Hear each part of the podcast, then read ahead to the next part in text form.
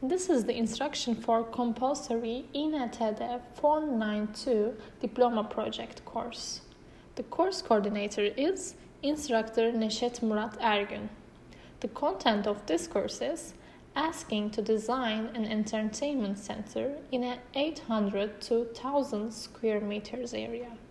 Description of the different functions and needs, analysis the relation of the human space function, creating an original spatial quality that has a clear solution with the served and serving spaces and circulation, solving the details of interior space in detail, design integrity between surface coverings, texture, color, and furnishing, and the illumination equipments, strong presentation quality and style reflecting the characteristics of the subject.